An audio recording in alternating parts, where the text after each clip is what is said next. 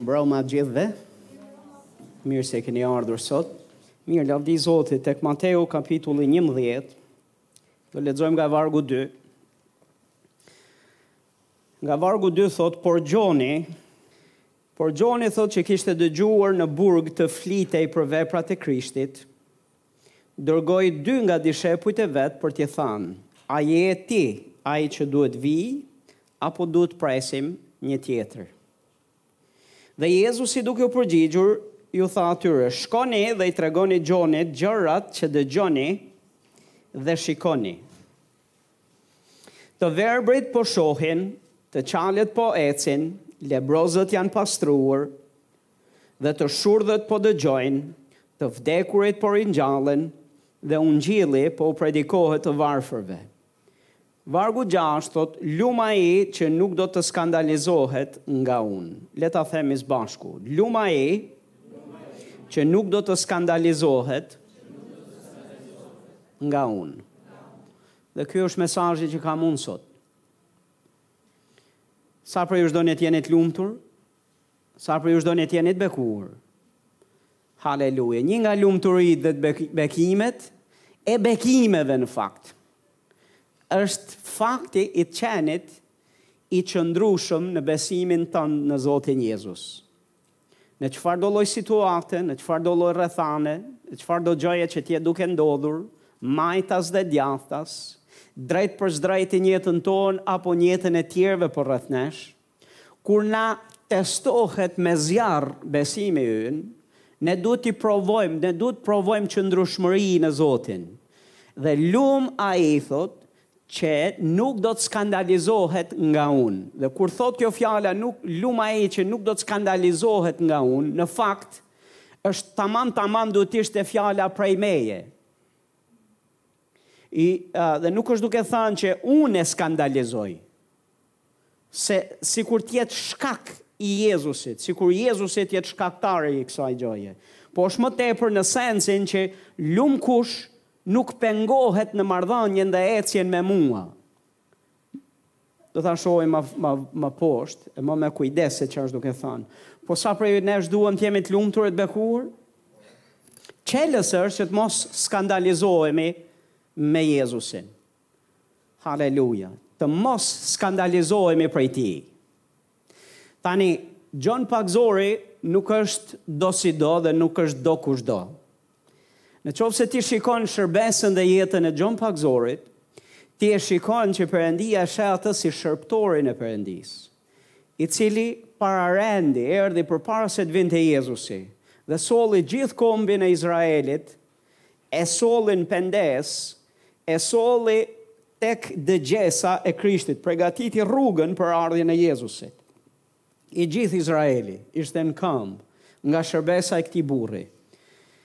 Dhe ky burrë do të shohim që kishte ca karakteristika të jashtëzakonshme që unë lutem t'i kemi secili prej nesh. Në mënyrë në mënyrë të veçantë në këtë kohë ku nuk është luks por është jetike që t'i kemi këto katër karakteristika, të cilat do t'jua them që i kishte Gjon Pagëzori, që duhet t'i kemi ne në këtë orë. Dhe duhet të bëjmë çmos që në asnjë mënyrë të mos ketë thyrje, çarje dhe të ketë gjëra që nuk shkojnë te këto katër gjëra të cilat do t'ju flas. Por ky burrë nuk ishte burrë dosido.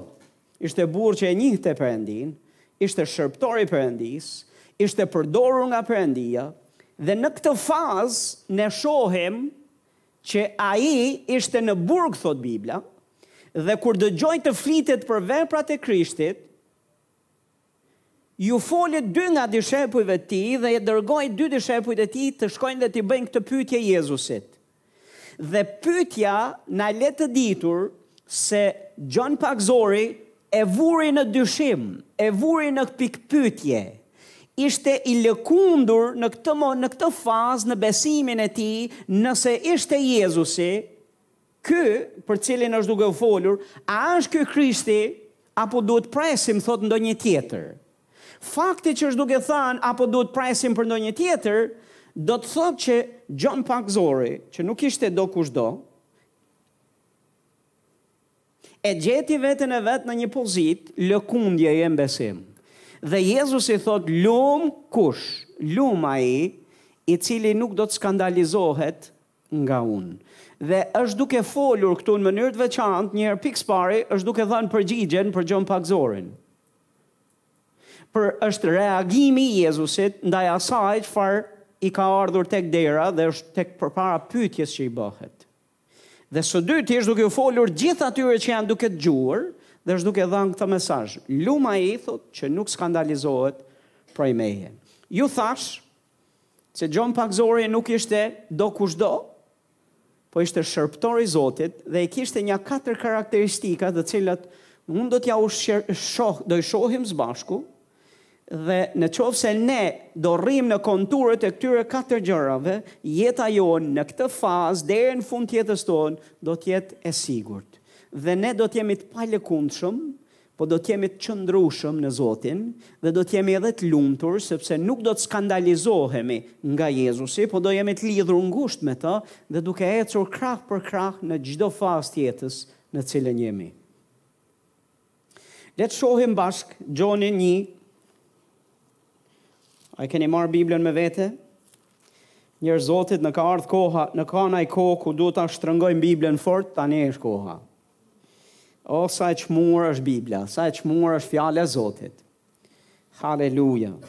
Gjoni kapitulli 1, do lexojmë nga vargu 29 deri në 37 dhe këtu do të shikojmë se kush ishte Gjon Pagëzori përpara këtij momenti.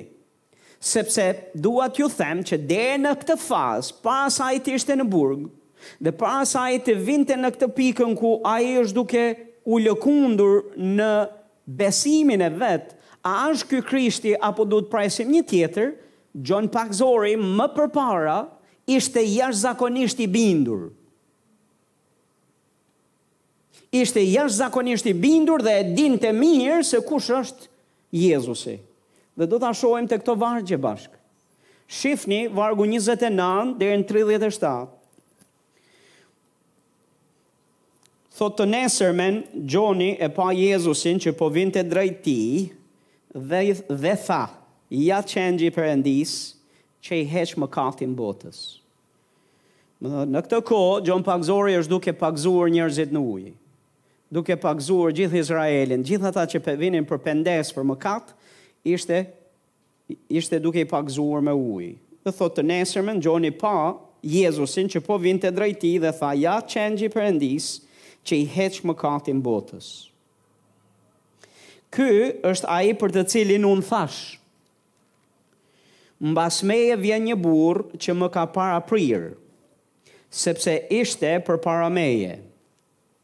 Vargu tridhjetë e një thotë, Unë nuk e njihja, prandaj erdha të pagëzoj me ujë, që ky thotë t'i zbulohet Izraelit. Dhe Gjoni dëshmoi duke thënë, E pashë frymën duke zbritur nga qielli si një pëllumb dhe ndenji mbi të. Unë nuk e njihja, por ai që më dërgoi të pagëzoj në ujë më tha, Ai mbi të cilin do të shikosh që zbret fryma dhe qëndron mbi të, është ai që pagëzon me frymën e shenjtë. Dhe unë pashë e dëshmova se ai është Biri i Perëndisë. Vargu tridhjetë e pesë thotë të nesërmen Gjoni rrinte përsëri atje me dy nga dishepujt e vet, Dhe duke i ngulur sytë mbi Jezusin që po kalonte, tha, Ja Qengji i Perëndisë! Vargu tridhjetë e shtatë Dhe të dy dishepujt dhe të, të dy dishepujt dëgjuan atë duke folur dhe e ndoqën Jezusin. Haleluja. Le t'i shohim këto vargje me kujdes. Një herë jemi duke folur për Gjon Pagëzorin. Gjon Pagëzori është duke në këtë fazë është duke kryer shërbesën e vet. Dhe shikon Jezusin, thotë duke kaluar, dhe kur pa Jezusin duke kaluar, tha këto gjëra. Tha që ky është ai për cilin tha, ja qengji i Perëndisë që i heq mëkatin botës. Ky është ai për të cilin unë thashë, Mbas meje vjen një burrë që më ka paraprirë sepse ish, sepse ishte përpara meje. Unë nuk e njihja. Prandaj erdha të pagëzoj me ujë që ky t'i zbulohet Izraelit. Dhe Gjoni dëshmoi duke thënë, E pashë frymën duke zbritur nga qielli si një pëllumb dhe ndenji mbi të. Edhe një herë thotë, Unë nuk e njihja. Por ai që më, që më dërgoi të pagëzoj në ujë, më tha, le ta themi bashkë, më tha, në rregull, përpara, do, do t'i shqyrtojmë dy, dy të parat deri këtu. Njëherë, Gjon Pagëzori kishte dallim në frymë, sepse Jezusi nuk dukej si qingj kur kaloi. Jezusi ishte njeri. Në rregull? Edhe nuk është se, se, se një herë bëhej qingj, një herë bëhej njeri. Ai ishte njeri. Dhe Bibla thotë, si njeri, Jezusi po kalonte. Dhe Gjon Pagëzori e dalloi se kush ishte Jezusi. Dhe tha ky është qengji i perëndisë dhe pastaj më vonë dëshmon ai është biri i perëndisë thotë unë nuk e njihja por perëndia që më dërgoi të pagëzoj më dërgoi që ai të zbulohet t'i zbulohet Izraelit dhe thotë unë pashë frymën e shenjtë që zbriti në trajtë pëllumbi mbi Jezusin Ç'a është duke folur? Është duke thanë që Gjon Pagëzori udhëhiqej nga Fryma e Shenjtë. Fryma e Shenjtë i dha atij dallim, e bëri atë të kuptojë, e bëri atë të dallojë, e bëri atë të shohë, e bëri atë të kuptojë gjëra që nuk kuptoheshin në të natyrshmen. Nuk mund të kuptoheshin në qoftë se nuk ia jepte Fryma e Shenjtë.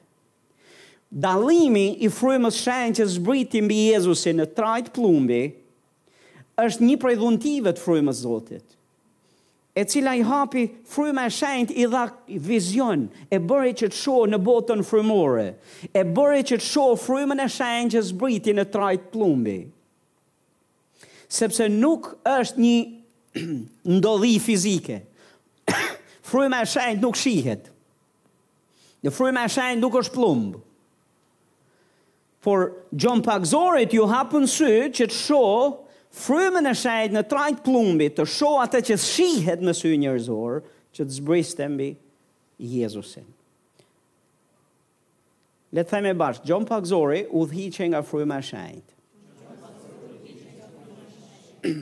Për shkak se udhëhiqej nga fryma e shenjtë, mund të dallonte atë që syri nuk e sheh, mund të dëgjonte atë çfarë veshi nuk e dëgjon, mund të kuptonte ato gjëra që nuk mund të dihen në të natyrshmen. dhe Gjon Pagëzorin, deri në këtë fazë, ne shohim që ishte i udhëhequr nga Fryma e Shenjtë, ishte i lidhur ngushtë me Frymën e Shenjtë dhe në këtë mënyrë kishte dallim frymëror, shpa, e pa Jezusin dhe e dalloi se kush është. Numër një, udhëhiqej nga fryma e shenjtë. Numër dy, ne shohim që thotë thotë një gjë shumë të fuqishme. Thotë ai që më dërgoi të pagëzoj më tha.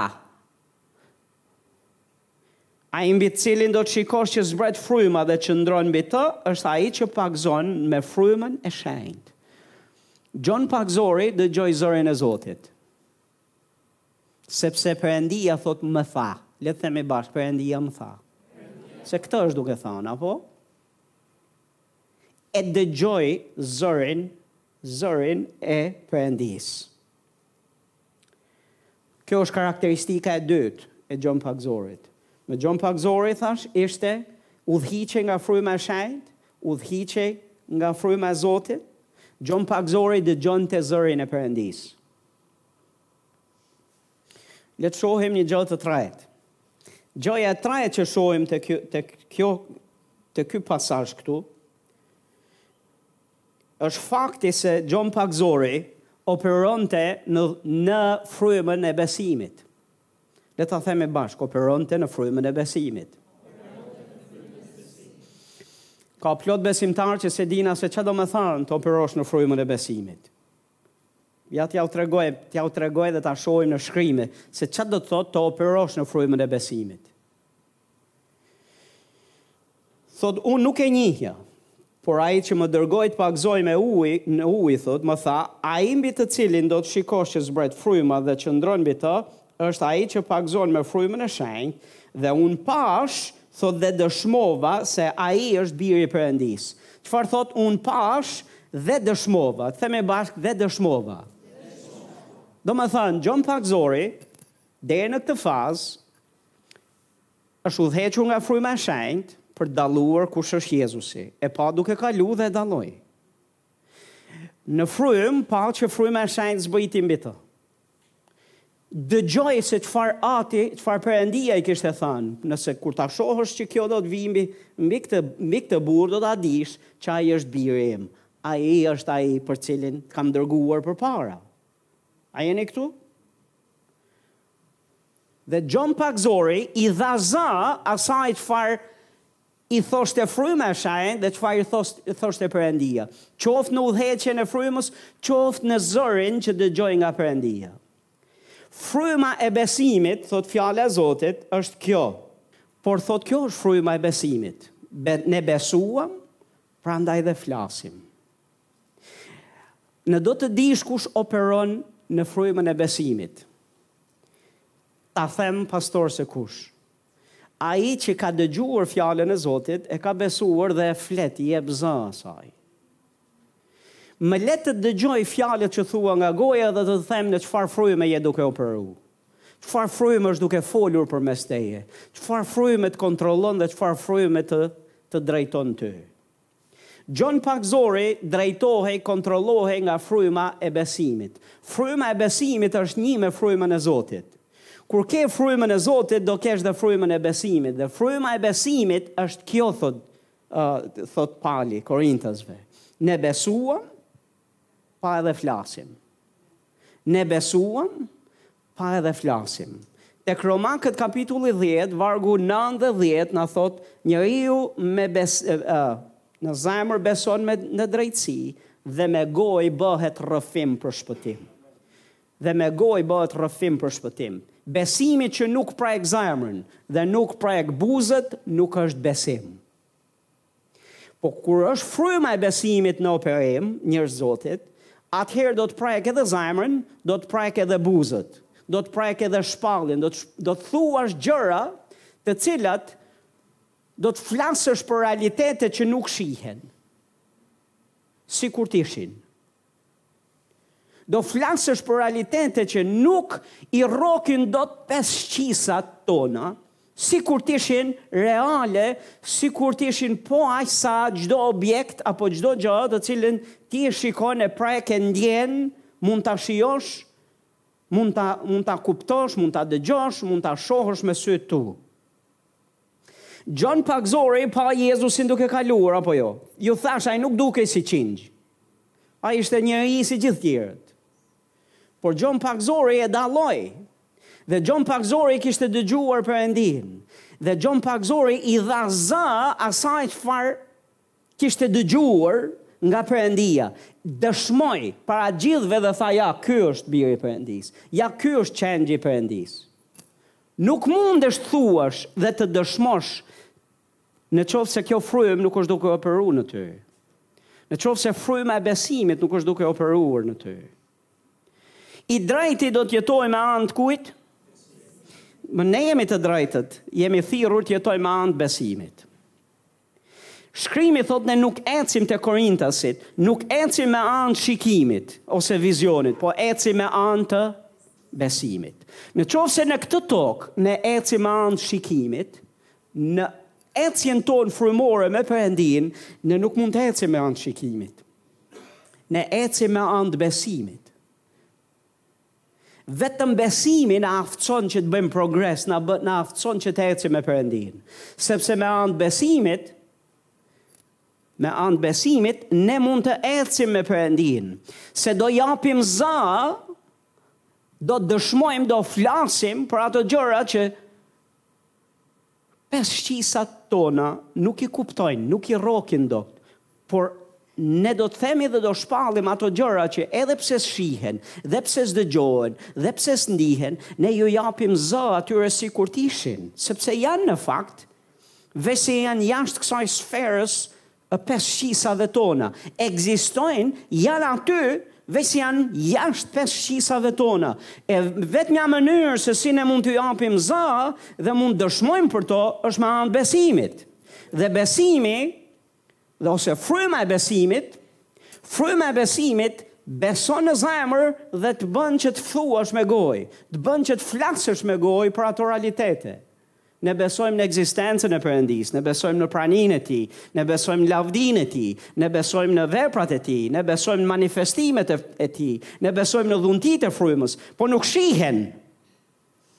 Me shqisat tona fizike, ne nuk mund t'i rrokim, nuk mund dhe është anormale për njeriun, njeriun mishor t'i rrokë gjërat e frymës. Por kur je në frymë, ti i rrok gjërat e frymës. Kur ti ke frymën e besimit, për ty ato janë realitet. Për njerëzit, Jezusi ishte njeriu që po kalonte, për Gjon Pagëzorin ishte Qingji i Perëndisë, ishte Biri i Perëndisë, ishte Ai që do i hiqte mëkatet botës, ishte Ai që do të pagëzonte me frymën e shenjtë. Dhe Bibla thotë që Ai i dha zë. Amen? I dha zë. Kjo është karakteristika e tij e tretë. Do ju flas për të të katërta sepse janë shumë me rëndësi.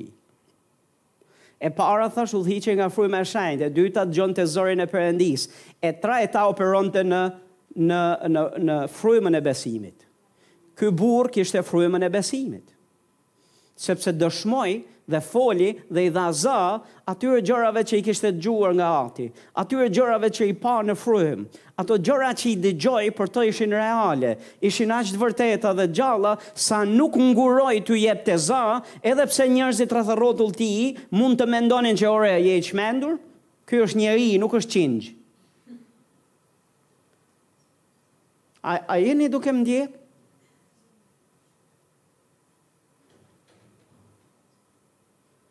Bota dhe njerëzit mishorë shohin njeriun, ndërsa njeriu frymor shikon atë qa Perëndia thot. Dallon atë qa Perëndia thot, dëshmon për atë qa Perëndia thot. Për njeriun frymor ajo është reale, për atë flasim. Dhe për ne është ma reale ajo se sa Se sa edhe gjërat fizike. Për njerëzit përreth, Jezusi ishte njeri, për Gjon Pagëzorin ishte qengji i Perëndisë, ishte biri i Perëndisë. A jeni këtu? E katërta. Gjëja e katërt që shohim është te vargu 30 Në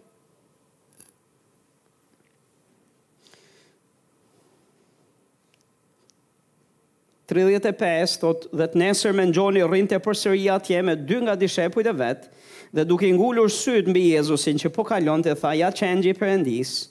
Dhe të dy dishepujt dëgjuan atë duke folur dhe e ndoqën Jezusin. Ju do shihni po tek libri i Gjonit, tek Ungjilli i Gjonit, ju do shihni që Gjon Pagëzori, mbas këtij momenti, I drejtoi dishepujt e vet që të shkonin mbas Jezusit dhe nuk i ndaloi ata të shkonin mbas Jezusit. A jeni këtu? Momentin që këta të dy zgjodhën për të ndjekur Jezusin, Gjon Pagëzori nuk ju tha ku po shkoni. Ju duhet të rrini këtu me mua. Ju duhet të rrini këtu pranë meje. Ju jeni dishepujt e mi.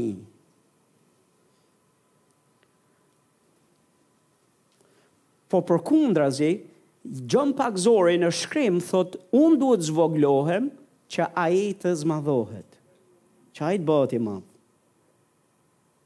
Dhe ju do të shihni po gjithashtu tek Gjoni, tek kapitulli i parë i Gjonit, ju do shihni te vargjet ndoshta më lart se sa këto vargje, ju do të shikoni që erdhën farisenj dhe saducenj Tek Gjon Pagëzori dhe e pytën shprehimisht duke i thanë ti je një profet i madh, a je ti Krishti? Dhe ai tha jo nuk jam. Fama e tij ishte përhap gjithandej. Njerëzit në atë kohë vinin nga ana e anës për t'u pagëzuar prej Gjon Pagëzorit. Dhe erdhën dhe i thanë, A je ti? Ai tha, Nuk jam. E jo vetëm që nuk, që tha nuk jam, po tha jam i, nuk jam i denjë që as t'i lidh lidhëset e këpucëve atij Krishtit. Ishte shumë i kujdesshëm. Kur vjen puna për kush ai është, për thirrjen e vet. Dhe këtu dua të dal, gjëja e katërt, karakteristikë e këtij burri ishte se ndenji brenda kontureve, kufinjve të thirrjes vet. Nuk doli jashtë saj për asnjë arsye. Nuk deshi, nuk nuk nuk tha jam Krishti, megjithëse ishte i tunduar për ta thënë, Shumë thjesht mund të kishte thënë, po jam Krishti, do e kishte ditë kush?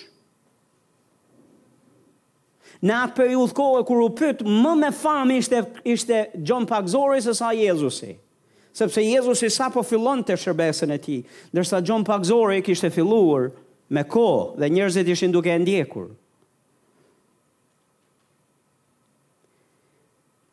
Dhe fare mirë mund të kishte qenë, mund t'i kishte mbledhur dishepujt e vet dhe t'u thoshte jo, nuk do të ndiqni Jezusin. E mund të bëhej edhe xheloz. Po nuk u bë as xheloz dhe as nuk e pati problem që të zvoglohej vetë, që të zmadhohej Jezusi. Dhe ai i dinte limitet dhe kufinjtë e thirrjes dhe shërbesës vet dhe ishte rehat brenda atyre kontureve. Janë këto katër gjëra për të cilat ju fola deri tani, a i patë ju apo jo? Më lini t'ju flas tani për të katër këto gjëra. Në këtë orë në cilën ne jetojmë, këto katër gjëra duhet të jenë themelet tona dhe duhet t'i duhet mos lëmë absolutisht asgjë që të na dëmtojë dhe të hyjë mes tyre dhe të na të na sjellë, të na i dobësojë këto katër shtylla të jetës tonë. Më leni t'ju flas për secilën. E para është udhëheqja nga Fryma e Shenjtë. Në ka naj kohë ku ne duhet të jemi afër me Frymën e Shenjtë dhe të ndjeshëm ndaj Frymës Zotit. Ky është momenti, kjo është koha. Sepse jetojmë në kohë shumë të vështira, ku ne duhet të jemi të ndjeshëm ndaj udhëheqjes Frymës Shenjtë dhe Bibla na thotë tek na thotë këtë gjë tek Mark, më falni, tek Romakët Kapitulli tetë vargu katërmbëdhjetë, Fëmijët e Perëndisë do të udhëhiqen prej frymës së Perëndisë. Me Perëndi, fryma e shenjtë do të na udhëheqë. Le të themi bashkë, fryma e shenjtë do të na udhëheqë.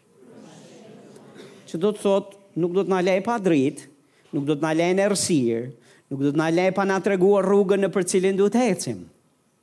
Dhe nëse ka naj kohë ku është e vështirë për të gjetë rrugën, është pikërisht kjo orë, në këtë fazë të jetës ku kemi ardhë. Po dua t'ju jap një lajm të mirë, Fryma e Shenjtë e di rrugën, edhe në kohë të tilla. E di se nga duhet të ecim ne dhe nga është shtegu i sigurt për ne. Ama duhet të jemi të ndjeshëm ndaj frymës së shenjtë. Pse? Sepse ashtu si fryma e shenjtë i foli Gjon Pagëzorit dhe e bëri që të shohë atë që syri i njeriut nuk e sheh, dhe të dëgjojë gjëra që veshi i njeriut s'ka si t'i dijë dhe s'ka si t'i dëgjojë, për Jezusin, kështu fryma e Zotit do të na udhëheqë dhe do të na prijë nëpër rrugën në të cilën ne duhet të ecim. Dikush thotë amen. Thashë dikush thotë amen. Udhëheqja nga fryma e Zotit. Gjoni 16 vargu 13 na thotë se fryma e shenjtë kur të ketë ardhur do të na prijë në çdo të vërtetë dhe do të na tregojë gjërat, do të na i kumtojë gjërat që do të vijnë. Le të themi bashkë, do të na kumtojë gjërat që do të vijnë. Edhe një herë, do të na kumtojë gjërat që do të vijnë. Më thonë, kush do të na i kumtojë gjërat që do të vinë? Këthe unë i pak nga unë. Ha, lajmet, kush do na i tregoj, kush do na tregoj gjërat që do të vinë?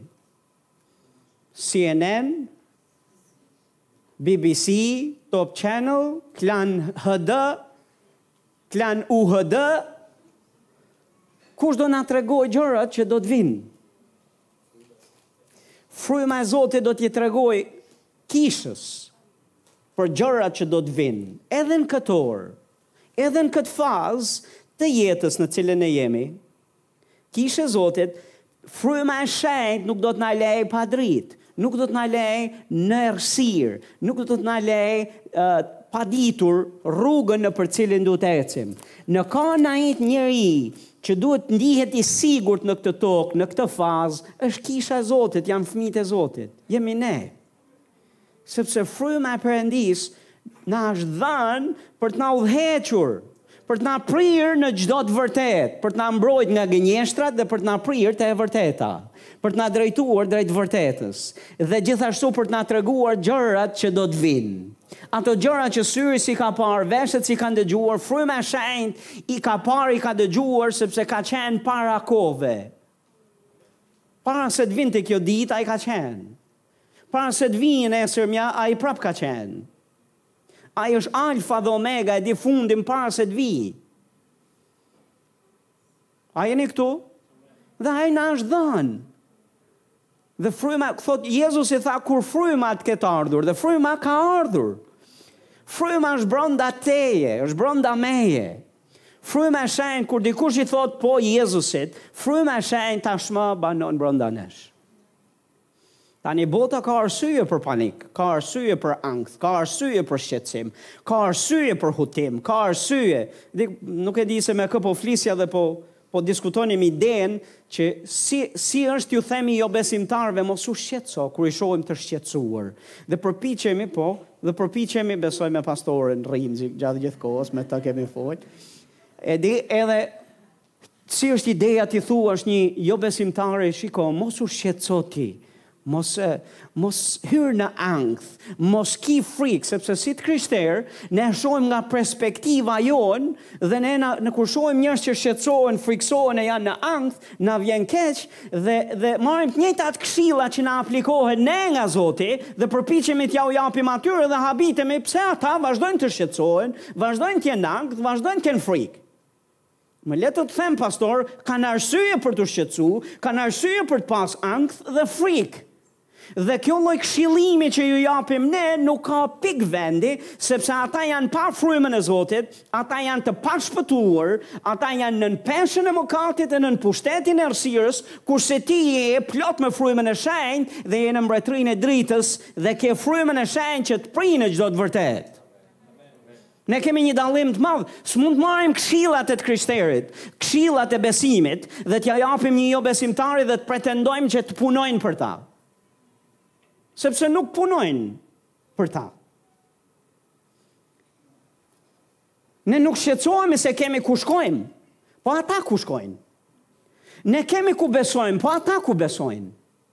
Ne kemi ku i hedhim barrat dhe shqetësimet tona dhe dimë si t'ja hedhim atij. Po ata a dinë? Kujt do t'ja hedhin? Askujt, pastor, përveçse vetes. Se s'kanë askënd përveç vetes. Maksimumi ja hedhin edhe naj shokut të tyre, familjarit të tyre, që e bëjnë që të zhytet bashkë me ta në të njëjtin, në të njëjtat gjëra. Prandaj kemi familje depresive, prandaj kemi shoqëri depresive, sepse është kjo gjendja këtu. Për ta e vetmja këshillë është ungjilli, e vetmja spirancë ose e vetmja e vetmja dorë e zgjatur për shpëtim është lajmi i mirë, asgjë tjetër. Jo këshillat tona. Po për sa na përket ne, Ne kemi frymën e shenjtë. Gjon Pagëzori thashë udhëhiqej nga fryma e shenjtë. Dhe për sa kohë udhëhiqej nga fryma e shenjtë kishte dritë. Dalloi atë çfarë Perëndia është duke bërë. Dalloi birin e Perëndisë, ekzaktësisht në kohë. Dalloi se çfarë ishte duke bërë Perëndia. Dalloi se kush ishte Jezusi. Pa përtej asaj çfarë shihet në njerëzoren. Dhe këto aftësi iu dhanë prej frymës së shenjtë. Ne duhet të shohim përtej televizorit, përtej çfarë është duke ndodhur, përtej ngjarjeve të tanishme, përtej luftrave, përtej çfarë thotë njëri analist e çfarë thotë tjetri analist, duhet të shohim pak ma përtej. Dhe është fatkeqësi për besimtarët dhe njerëzit e Zotit që të ulen dhe të dëgjojnë dhe të mjaftohen me këtë lloj me këtë lloj uh, informacioni.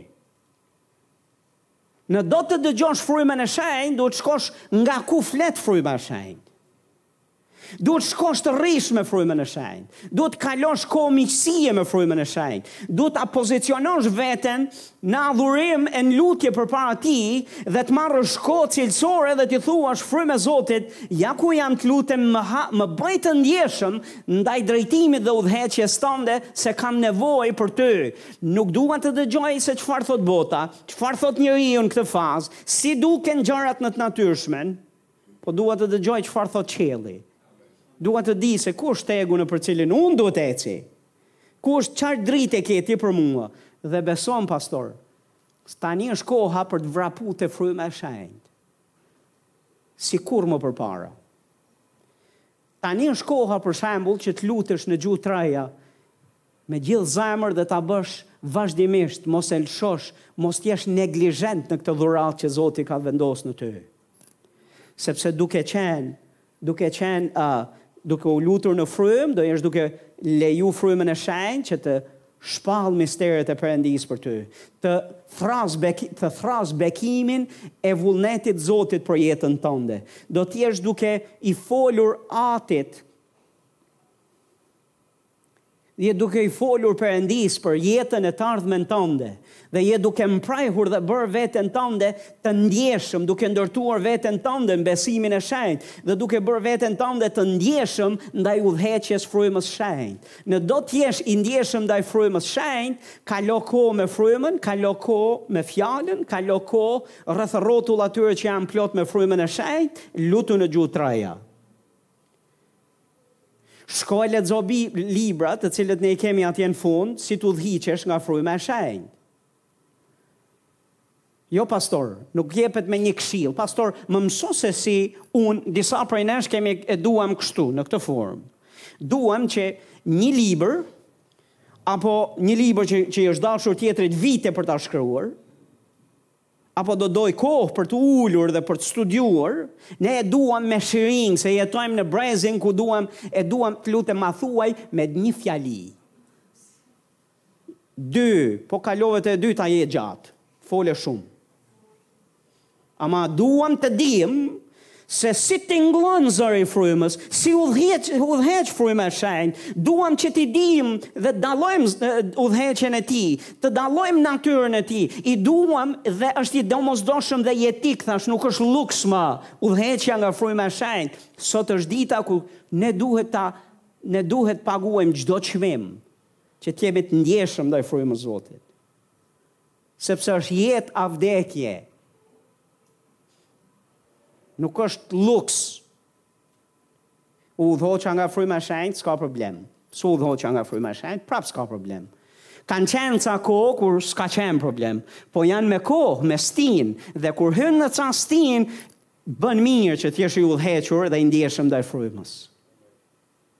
Dhe jemi në këtë fazë. ku ne duhet të jemi të lidhur ngushtë me frymën e Zotit. Amen. A jeni këtu? Gjëja e dy, dëgjimi i zërit të Zotit. Bibla na thotë që delet e mia e dëgjojnë zërin tim. Na flet tek na flet Gjoni 10 vargu 3, atij që ia hap portieri, delet e dëgjojnë zërin e tij, thotë, Dhe ai thërret delet e tij me emër dhe i prin jashtë. Gjoni dhjetë katër thotë dhe pasi i ka nxjerrë delet, ata ia dëgjojnë zërin dhe e ndjekin. Dikush thotë amen. Dëgjimi i zërit të Zotit, shumë i rëndësishëm. Dhe kur flasim për dëgjimin e zërit të Zotit dhe njohjen e zërit të Zotit, kjo ka shumë rëndësi. Tani udhëheqja me e frymës së shenjtë përfshin më shumë se sa vetëm dëgjimi i zërit të tij. Po unë besoj se kisha e Zotit duhet të jetë e ndjeshme dhe e mprehtë edhe në dëgjimin e zërit të Zotit, kur ai të thotë, kur ai të flet. Tani plot besimtarë nuk i japin fare kohë Zotit që të flasë. Dhe po nuk i dhe atij kohë të flasë, ai s'ka si të flet. Dhe besoj, pastor, unë mund të ndaloj dhe mund t'ju flas për raste pa fund ku Perëndinë e kam dëgjuar të flasë dhe jam bindur dhe kam parë të mbinatyrshmen e Zotit. Shumë nga mrekullitë dhe shumë nga gjërat që ju i keni dëgjuar apo parë edhe në mesin tuaj janë për shkak se kam dëgjuar zërin e Zotit. Dhe kur kam dëgjuar zërin e Zotit dhe jam bindur atij zëri, Perëndia ka bërë vepra të mëdha, ka bërë mrekulli, ka bërë gjëra të mrekullueshme në mesin tonë. A jeni këtu? Por mund t'ju flas edhe për për raste, raste pa fund, ku unë kam vuajtur sepse nuk kam dëgjuar zërin e Zotit, se s'kam dashur vetë ta dëgjoj ose nuk i kam dhënë kohë ta dëgjoj. Dhe jam kujtuar që të shkoj tek ai në momentin kur e kam gjetë veten në gropë. Dhe një pjesë e mirë jona jena, jemi ekspert për t'u kujtuar dhe për të kërkuar e thirrur Zotin që ta dhe bëhemi shumë të ndjeshëm ndaj zërit të tij, po nga gropa. Aq sa një pjesë e juaja ju pëlqen gropa aq shumë, sa që kur doni me dëgju zërin e Zotit, ju duket sikur duhet biesh në gropë patjetër që ta dëgjosh zërin e Tij. Po më lini t' ju them që s'ke pse bie në gropë fare të dëgjosh zërin e Tij, në fakt, në qoftë se e dëgjojmë zërin e Tij, ne nuk biem hiç në gropë. Po do të jemi duke ecë, duke bërë progres në Zotin. Dëgjimi i zërit Zotit Është shumë jetike sot. Ju fola një një nga këto radhë. Nëse ti rri me Zotin, nuk do të jetë kurrë problem kur ai të të flasë, ta dallosh zërin e tij. Nëse ti rri me Zotin dhe e njeh Zotin dhe investon kohë për të njohur Zotin, më le të të shpjegoj, kur ai të të flasë, Ti do të thuash ai më tha. Ai më foli. Si Gjon Pagëzori që tha ai më tha që kur ti të jesh duke pagëzuar të shohësh frymën e shenjtë që të zbresë mbi të në trajtë pëllumbi, do ta dish që ai. Më këtë ia tha Zoti Gjon Pagëzorit para se të ndodhte. Dhe Gjon Pagëzori e besoi. Dhe Gjon Pagëzori Pagëzori kishte pritje. Dhe Gjon Pagëzori ishte i sigurt. Dhe Gjon Pagëzori kur e pa, Tha po, këtë ma tha Perëndia. Perëndia do të na thotë gjëra të mëdha në këtë kohë. Perëndia do të na flas, do na flas, do na jap drejtim për jetën tonë, do na jap, do na flas për njerëzit përreth, do na flas disa gjëra të cilat janë hyjnore që askush nuk i dëgjon dhe nuk mund t'i di, por ai do vesh që e dëgjojnë. Do dikë që kalon realisht kohë cilësore dhe i thotë Zot, dua të dëgjoj ty, dua të dëgjoj zërin tënd. Ça je duke i folur kishës? Ça je duke më folur mua? Çfarë je çfarë çfarë je duke bërë ti?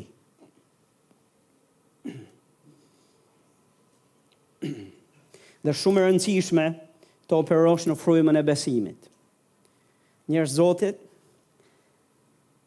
Djalli është mbas zemrës tënde, është mbas buzëve, mbas gojës tonë.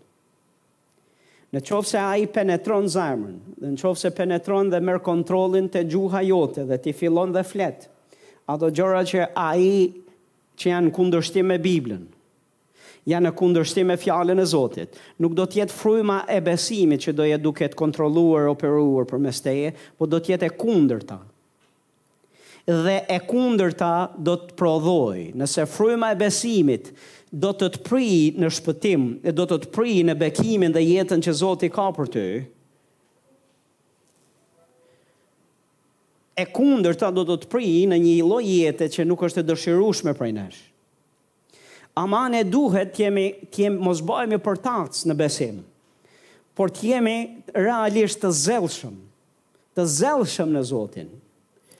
Haleluja! Duhet që të marrim Fjalën e Zotit në zemrën tonë, ta besojmë dhe ta shpallim, dhe të flasim për Fjalën e Zotit, dhe të dëshmojmë për Fjalën e Zotit, t'i japim zë.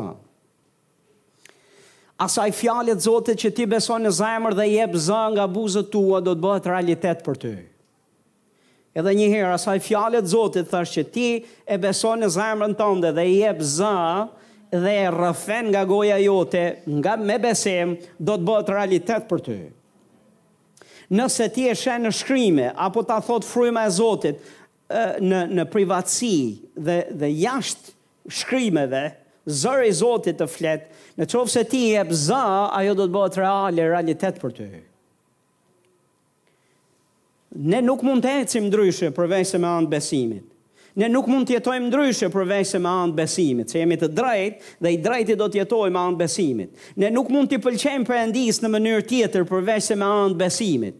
Ne nuk mund të bëjmë lutje dhe të presim përgjigje në qoftë se s'i bëjmë ato me besim. Ne nuk mund të pretendojmë që veprat tona të mira do të jenë të pëlqyera në sytë e Zotit në qoftë se nuk i bëjmë me besim. Sepse Bibla thotë çdo gjë që e bëjmë pa besim, qoftë dhe e mirë, po e bëjmë pa besim, Bibla e quan mëkat. Perëndia do që çdo gjë që njeriu i Zotit bën, çdo gjë që fëmijët e Zotit bëjnë, ta bëjnë të drejtuar nga besimi. A e ke frymën, a është fryma e besimit duke operuar përmes teje? Çfarë je duke folur? Çfarë je duke thanë? Çfarë po thua në këtë kohë? Çfarë po thua për jetën tënde? Çfarë po thua për kishën? Çfarë po thua për kombin? Çfarë po thua për për gjërat e ngjarjet që janë duke ndodhur rreth e rrotull? Kujt je duke i dhanë za? Je duke i dhanë za atyre gjërave që dëgjon? A je i sigurt që është burimi i Perëndisë? dhe atyre gjërave që po ju jep za dhe po i flet nga goja jote, mendon dhe beson se ky është realiteti që Perëndia ka? Le të mos jemi instrumenta në duart e frymës gabur, po të jemi instrumenta në frymë të, në në duart e frymës Zotit e frymës besimit. Dhe t'i japim za vullnetit Zotit, t'i japim za fjalës Zotit. Haleluja! Në duam të ecim me Perëndinë, ne duhet ta mësojmë këtë lloj ecje, sepse ai do të të flasë, ai do të të tregojë rrugën. Por rruga nëpër cilën duhet të ecësh dhe zërin që do ta dëgjosh, do të duhet besim që ti ta përqafosh dhe të ecësh në ta. Dhe deri këtu ne shohim që Gjon Pagëzori është në rregull dhe e katërta ndenjë brenda kontureve dhe kufijve të thirrjes së vet. Më lini t'ju lexoj ca vargje. Romakët dymbëdhjetë vargu tre thotë sepse për hirin që m'është dhanë, unë i them secilit prej jush të mos e vlerësojë veten më shumë se sa duhet ta çmojë, por të ketë një vlerësim të përkohshëm, më falni, të përkorë, sipas masës së besimit që Perëndia i ka ndarë secilit. Hm. Thotë sepse, sikurse në një trup kemi shumë gjymtyrë dhe të gjitha gjymtyrët nuk kanë të njëjtin funksion, kështu edhe ne, megjithëse jemi shumë, jemi një trup i, në Krishtin. Dhe secili jemi gjymtyrë të njëri-tjetrit. Dhe tani, duke pasur dhunti të ndryshme, sipas hirit që na u dha, nëse kemi profecinë, të profetizojmë sipas masës besimit. Nëse kemi shërbim, le t'i përkushtohemi shërbimit. Po kështu mësuesi, le të jepet pas mësimit. Dhe ai që nxit, le t'i kushtohet nxitjes. Ai që ndan, le të ndajë me thjeshtësi. Ai që kryeson, le të kryesojë me zell. Ai që bën vepra mëshire, le t'i bëjë me gëzim. Dikush thotë, Amen! Tani më lini pak se si është në trupin e Krishtit sot. Më t'jau të përpiqem ta lexoj pak. Si e lexojmë në praktikë? Sepse për hirin që më është dhanë, unë i them secilit prej jush, që e vlerëson veten ma shumë se sa që duhet, keni një vlerësim jashtëzakonisht të lartë e të ekzagjeruar për veten, pa, as, pa pasur asnjë pa kuptuar se, se sa është masa e besimit tuaj. Me pak fjalë mund ta kaloni masën e besimit, nuk është problem. Pa kufij. Në realitet është kështu.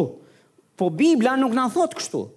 Thotë është një masë besimi, është një masë hiri dhe një masë vlerësimi, vlerësimi që kemi për veten dhe për rolin e funksionin tonë duhet të jetë i përkorë, thotë, thotë Pali. Çfarë thotë tjetër? Kështu thotë dhe ne, megjithëse jemi shumë, jemi një trup në Krishtin dhe secili jemi gjymtyrë të njëri-tjetrit dhe tani, duke pasur dhunti të ndryshme sipas hirit që na u dha, nëse kemi profecinë, le të mësojmë. Oh. Nëse kemi shërbimin, le të profetizojmë. Nëse jemi mësues, atëherë le të bëjmë një gjë tjetër, le të jemi dhënës dhe të jemi bujarë. Let, nëse kemi shërbimin, le të jepemi një dhuntie tjetër. Jo, Pali është duke fol që ne kemi një funksion unik në trupin e Krishtit. Dhe është duke thënë që me atë funksion, me atë thirrje, ekziston edhe një hir, ekziston edhe një masë besimi, dhe një funksion normal në trupin e Krishtit. Dhe kur secili është në vendin e vet, në pozicionin e vet, dhe nuk e çmon veten në mënyrë të ekzagjeruar, por rri brenda kontureve të besimit vet, brenda kontureve të hirit vet, do jetë bekim për të edhe bekim për gjithkënd tjetër rreth e rrotull në trup. Po nuk ka gjë më keq kur ka kemi njerëz të cilët mendojnë se i dinë gjitha, mendojnë se i bëjnë gjitha dhe provojnë t'i bëjnë gjitha. Nuk mund t'i bësh gjitha. Dhe ne është mirë që të kuptojmë edhe çfarë kemi dhe çfarë na është dhënë, por edhe çfarë s'kemi dhe çfarë s'na është dhënë. Dhe ato gjëra çfarë s'kemi dhe çfarë s'na është dhënë, haleluja, nuk është dobësi nga ana jonë. Po duhet të kuptojmë që ky lloj hiri na është dhënë. E di që ka plot besimtarë, të cilët janë në kishë, të cilët mendojnë, po të isha unë pastor do predikoja ma mirë. Ah, po të isha unë aty. Ah pastor, edhe unë po të po të po ta dija se je e ti, do të thoja me shumë gëzim. Hajde. Hajde provoje. Hajde pastor dhe shife. Dhe unë po të them që nuk mund të shkëlqejmë jashtë hirit Zotit, jashtë rolit Dhe pozicionit që Zoti na ka thirrë gjithsecilin. Gjon Pagëzori e dinte mirë, unë nuk jam Krishti, ky nuk është roli im, unë kam ardhur për t'i pregatitë udhën, kam ardhur për të kryer këtë mision, për të pasur dishepuj deri në këtë fazë, tani unë duhet të zvogëlohem, ai duhet të zmadhohet dhe unë duhet t'i drejtoj gjithë njerëzit jo më te vetja, po duhet t'i drejtoj drejt Krishtit. Pse? Sepse e dinte që deri këtu është kufiri im. Deri këtu janë limitet e mia. A e di ti limitet tua? A e di ti çfarë masë besimi ke? A e di ti thirrjen që Zoti ka për ty? Dhe a e di masën e hirit që është mbi ty? Nëse rri brenda thirrjes tënde, je i ruajtur dhe je i mbrojtur. Nëse del jashtë, Do të vuash ti e do të vuajnë dhe tjerët përreth teje. Gjon Pagëzori duket se e dinte këtë gjë mirë, prandaj edhe ndenji brenda kontureve të thirrjes vet. Haleluja, është dikush mësues, le të mësojë. Nuk thotë le të nxisë. Nuk thotë le të profetizojë. Nuk thotë le të bëjë vepra shërbimi apo të bëjë të bëjë një një një rol tjetër. Ta bëjë këtë. Ai që kryeson thotë kryesoj me zell. Me pak fjalë, dallo thirrjen e Zotit, dallo dhuntinë që Zoti të ka dhënë dhe investo në të dhe bëhu dhe shkëlqe në atë, bëhu më i miri në Zotin, në atë gjë që Zoti të ka thirrë. Shkëlqe aty. Në mbaj mend vite për para. Ëh, një grua pastori, Ëh, uh, se zakonisht zakonisht ndodh. Mm?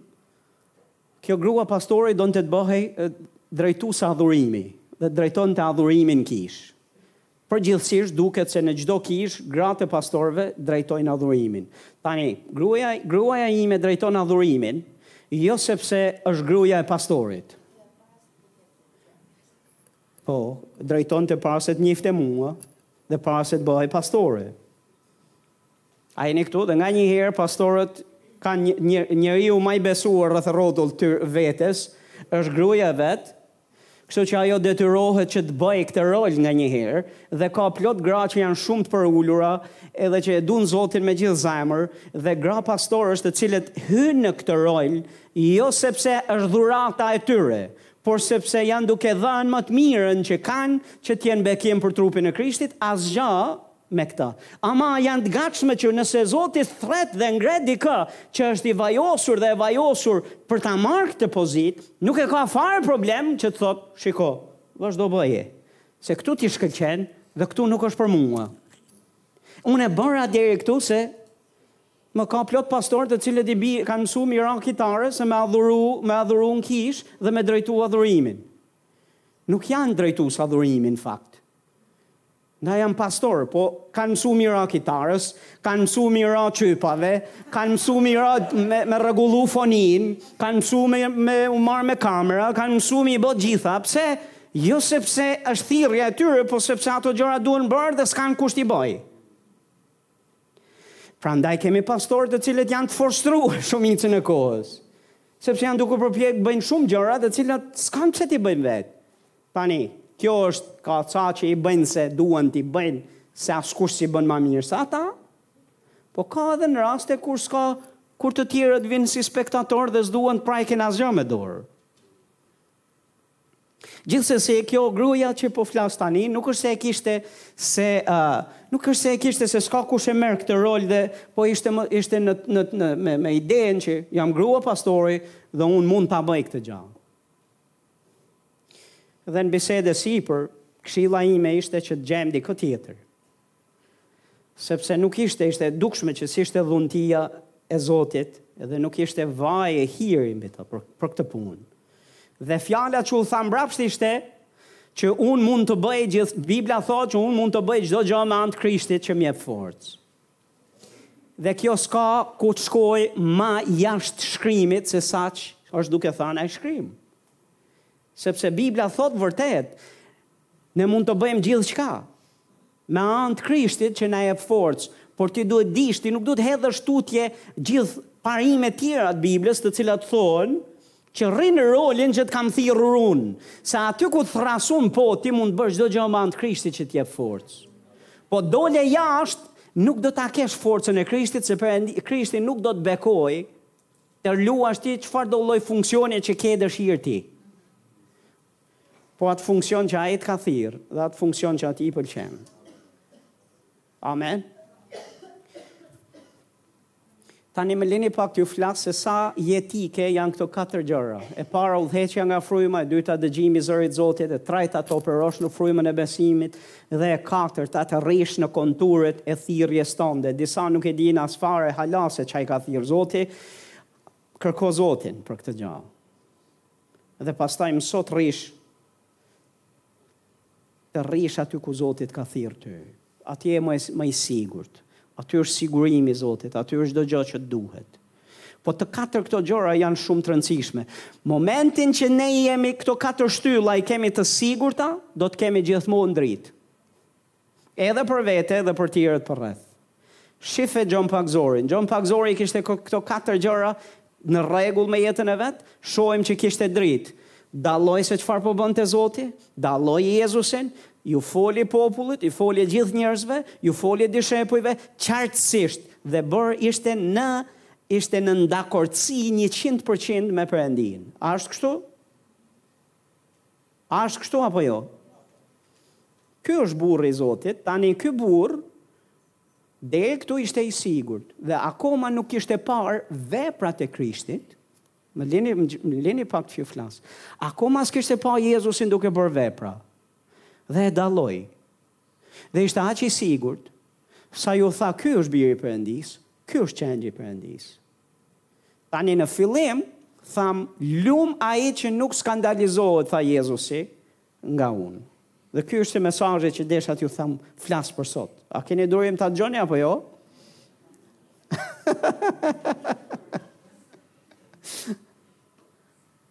Xhon Pagzori nuk ishte dokushdo. Xhon Pagzori me pak fjalë ishte ky. I qartë, i kthjellët, Shikonte në frymë, dëgjonte në frymë, udhëhiqej prej frymës, kishte frymën e besimit. Dhe diti se ça e ka thirrë Zoti dhe ndenji në konturet e thirrjes vet. Dhe për shkak për sa kohë ishte në këto kushte, ishte jashtëzakonisht i suksesshëm dhe ishte duke ndikuar, ndikoi një popull, një njeri, ndikoi një popull. Gjithmonë kam bërë pyetjen, ore ça kishte ky njeri kaq atraktive, ça kishte ky njeri që e bëri gjithë Izraelin që, a jeni duke dëgju, jemi duke folë për Izraelin, që më ça fort. E me gjithato Bibla thotë që një popull, një Izrael, me farisenj dhe saducenj dhe ata shkonin, dhe ai dalloi dhe tha ju pjellë nepërkash.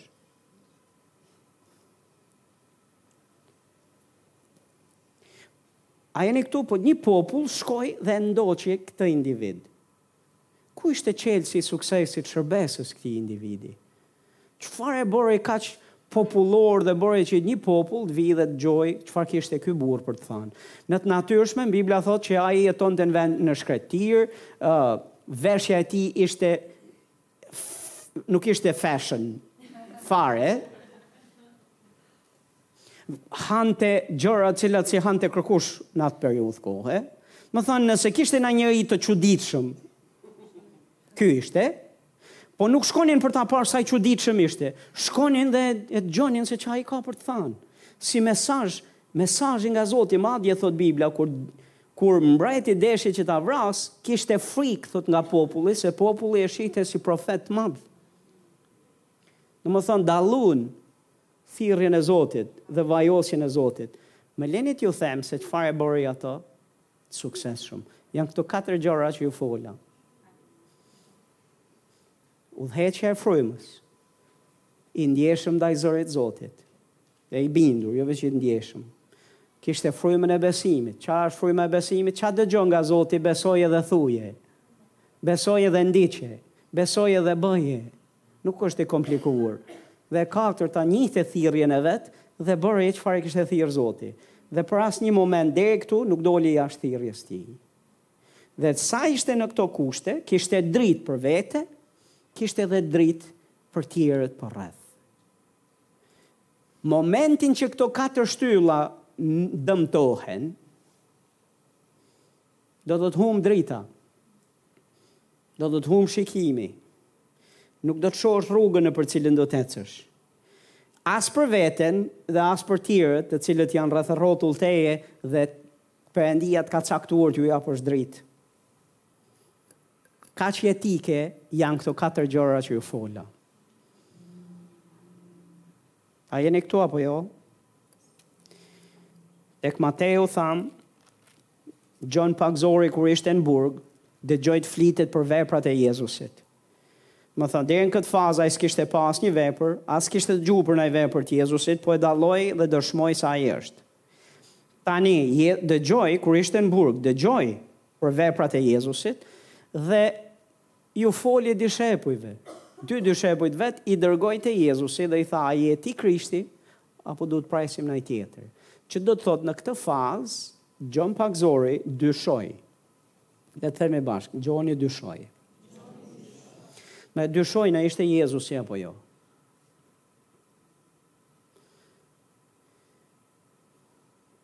Po ça e bëri Gjon Pagzorin të dyshojë? Pse ky burrë dyshoi dhe çfarë peshe ka dyshimi në sytë e Zotit? Jezusi sapo dëgjoi këto fjalë, dëgjoi këtë pyetje. Jezusi për, iu tha menjëherë dy dishepujve të Gjon Pagëzorit. Shkoni dhe i thoni Gjonit çfarë keni parë dhe keni dëgjuar. Në rregull? Dhe i tha, Të vdekurit ringjallen, Ungjilli predikohet, lebrozët pastrohen. Ëh, të verbërit shohin, shurdhët dëgjojnë. Foli për veprat, Këto tha që dëgjoni dhe shihni, shko dhe thojani Gjon Pagëzorit. Tani, më lini t'ju them që dyshimi është realisht Është nga ato mëkate serioze të cilave ne nuk duhet t'i japim vend për asnjë rast. Sepse është dyshimi që bëhet gur pengese në ecjen tonë me Jezusin. Dhe në qoftë se ne i jepemi dyshimit, ne do të skandalizohemi nga Jezusi, që do të thotë do pengohemi në ecjen tonë me të, që do ndahemi prej tij, nuk do mund të ecim dot me të, Dhe nuk do mund të përmbushim gjërat që Ai ka për jetën tonë, sepse dyshimi është e kundërta e besimit.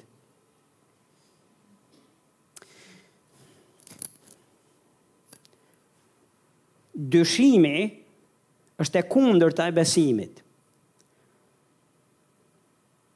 Dhe kur ti i jepesh dyshimit, ça do të bëjë është do të të lëkundë në ato katër gjërat që të fola.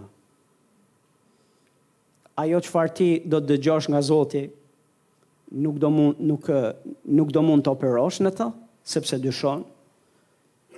Atë çfarë Zoti do të përpiqet të të udhëheqë dhe të të komunikojë përmes frymës tij, përsëri ti e ke me pikëpyetje. Do të dyshosh dhe do t'i japësh zë dyshimit, siç ndodhi në këtë rast, Gjon Pagëzori i dha zë dyshimit vet, sepse atë çfarë dyshoi vetë, kujt i tha, kujt ia kaloi? Ia kaloi dhe dy dishepujve të vet. I tha shko e thoni Gjonit, nuk është se shko e thoni Jezusit, a i tha kështu? Që do të thotë që atë që ai po mendonte vetë, ia dha dhe dishepujve të tij. Dyshimi është mëkat serioz njerëz të Zotit, para të cilit nuk duhet t'i jepemi, dhe nuk duhet për asnjë arsye të lejojmë dyshimin që të zërë vend te ne. Dyshimi është ai skandalizimi për cilin Jezusi thotë, lum ai që nuk skandalizohet prej meje, sepse është pikërisht momentin që Gjon Pagëzori dyshoi që ky lloj skandalizimi ose pengimi në ecjen e tij me Zotin. Dyshimi do të bëjë që të mos shohësh, mos dëgjosh gjëra që Zoti thotë. Do të të bëjë që të mos japësh zë asaj çfarë Zoti thotë. Dhe nga krahu tjetër do të japësh zë komplet një gjëje tjetër. Realiteteve tjera që janë në kundërshtim me fjalën e Zotit. Është shumë serioz Është mëkat shumë serioz të cilit ne nuk duhet t'i jepemi. Gjon Pagëzori iu dha. Dhe e dini se çfarë thotë Jezusi menjëherë mbas kësaj u kthehet njerëzve që ishte aty dhe u thotë çfarë keni dalë të shihni në shkretirë. Kallamin që e tund era. Le të themi bashkë, kallamin që e tund era. Jezusi këtu është duke dëshmuar për Gjonin. Gjonin jo të parin që fola ma herët, por për këtë Gjonin e ri, që është duke fol nga burgu, për këtë Gjonin dyshus, dhe është duke fol pikërisht në këtë moment, dhe është duke thanë për të se është si kallami që e tund era në shkretirë.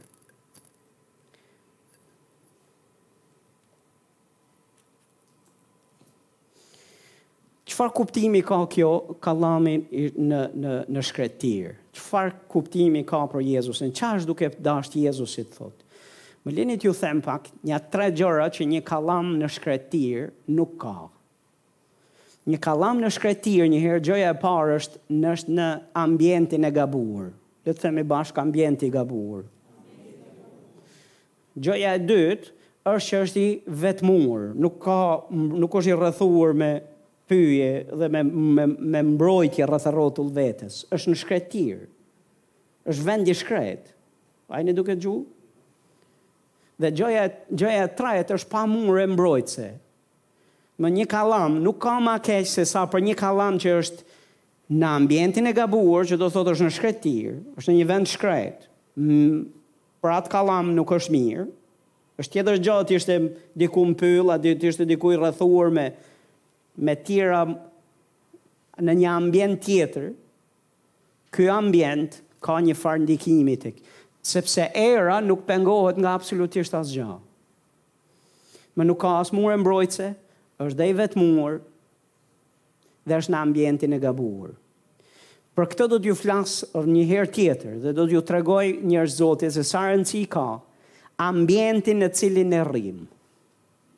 Se sa rëndësi ka me kë e rrethojmë veten tonë dhe se sa rëndësi ka të kemi mbrojtje, mure mbrojtëse Sepse në qoftë se i ke këto trija si duhet, në qoftë se ti je në ambientin e duhur, në qoftë se ti je jo vetëm por je i rrethuar me njerëzit e duhur, me shoqërinë e duhur, në qoftë se ti ke mësuar që t'i kesh muret mbrojtëse të ngritura, Nuk je pa mure mbrojtëse, nuk ka erë që do të që do të tundë. Në qoftë se i ke këto në rregull, nuk të tund era. Po në qoftë se këto gjëra mungojnë, do të vuash, do të tundet besimi yt. Dhe nuk ka rëndësi se sa Gjon Pagëzori ndihesh sot. Në qoftë se ti tregohesh neglizhent te këto tre gjëra që jam duke fol tani dhe që do flas më vonë, nuk ka rëndësi se sa Gjon Pagëzori thashë ndihesh sot. Është thjesht çështje kohe ku era do ta bëjë punën e vet. A jeni këtu?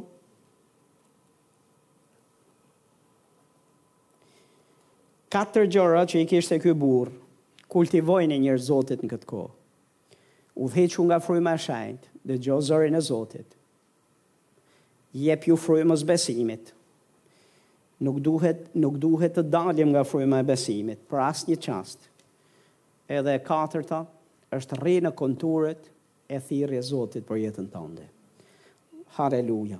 O bekucot, mendoj ta lëmë këtu, Dhe e vazhdojmë në një moment në një herë tjetër më tutje, po unë besoj se do të jetë shumë bekim sepse ka ka gjëra të cilat duam t'i shohim me jetën e Gjon Pagëzorit, se ky burrë në këtë fazë ë uh, dyshoi. Dhe dua t'ju flas pak se dyshimi është realisht mëkat serioz, por është një mëkat tjetër më serioz se sa dyshimi. dhe që quhet mosbesim dhe ka ndryshim mes dyshimit dhe mosbesimit. Dyshimi kurohet, Jezusi ia kuroi dyshimin Gjon Pagëzorit. Si ja, ja, ja, ja kuroi? I tha shkoni thoni ato gjëra që patë dhe dëgjuat. Çojeni këtë mesazh dhe vetë mesazhi që Jezusi i dërgoi Gjon Pagëzorit Ishte ndihma e Jezusit për t'i forcuar besimin Gjon Pagëzorit. Gjon Pagëzori nuk ishte zemërlig mosbesimi, nuk ishte mosbesues. A je duke dëgju? Shumë serioz është dyshimi? Po dyshimi nuk do të thotë që e ke zemrën e keqe dhe ke probleme zemre. Me mosbesimin do shohim që është problem zemre. Dhe ajo është shkallë shumë më e rëndë. Po në qoftë se s'jemi të kujdesshëm që të merremi me dyshimin dhe të kurojmë dyshimin, nga këtu mund të kalojmë në ngurtësi zemre e mund të kalojmë në mosbesim.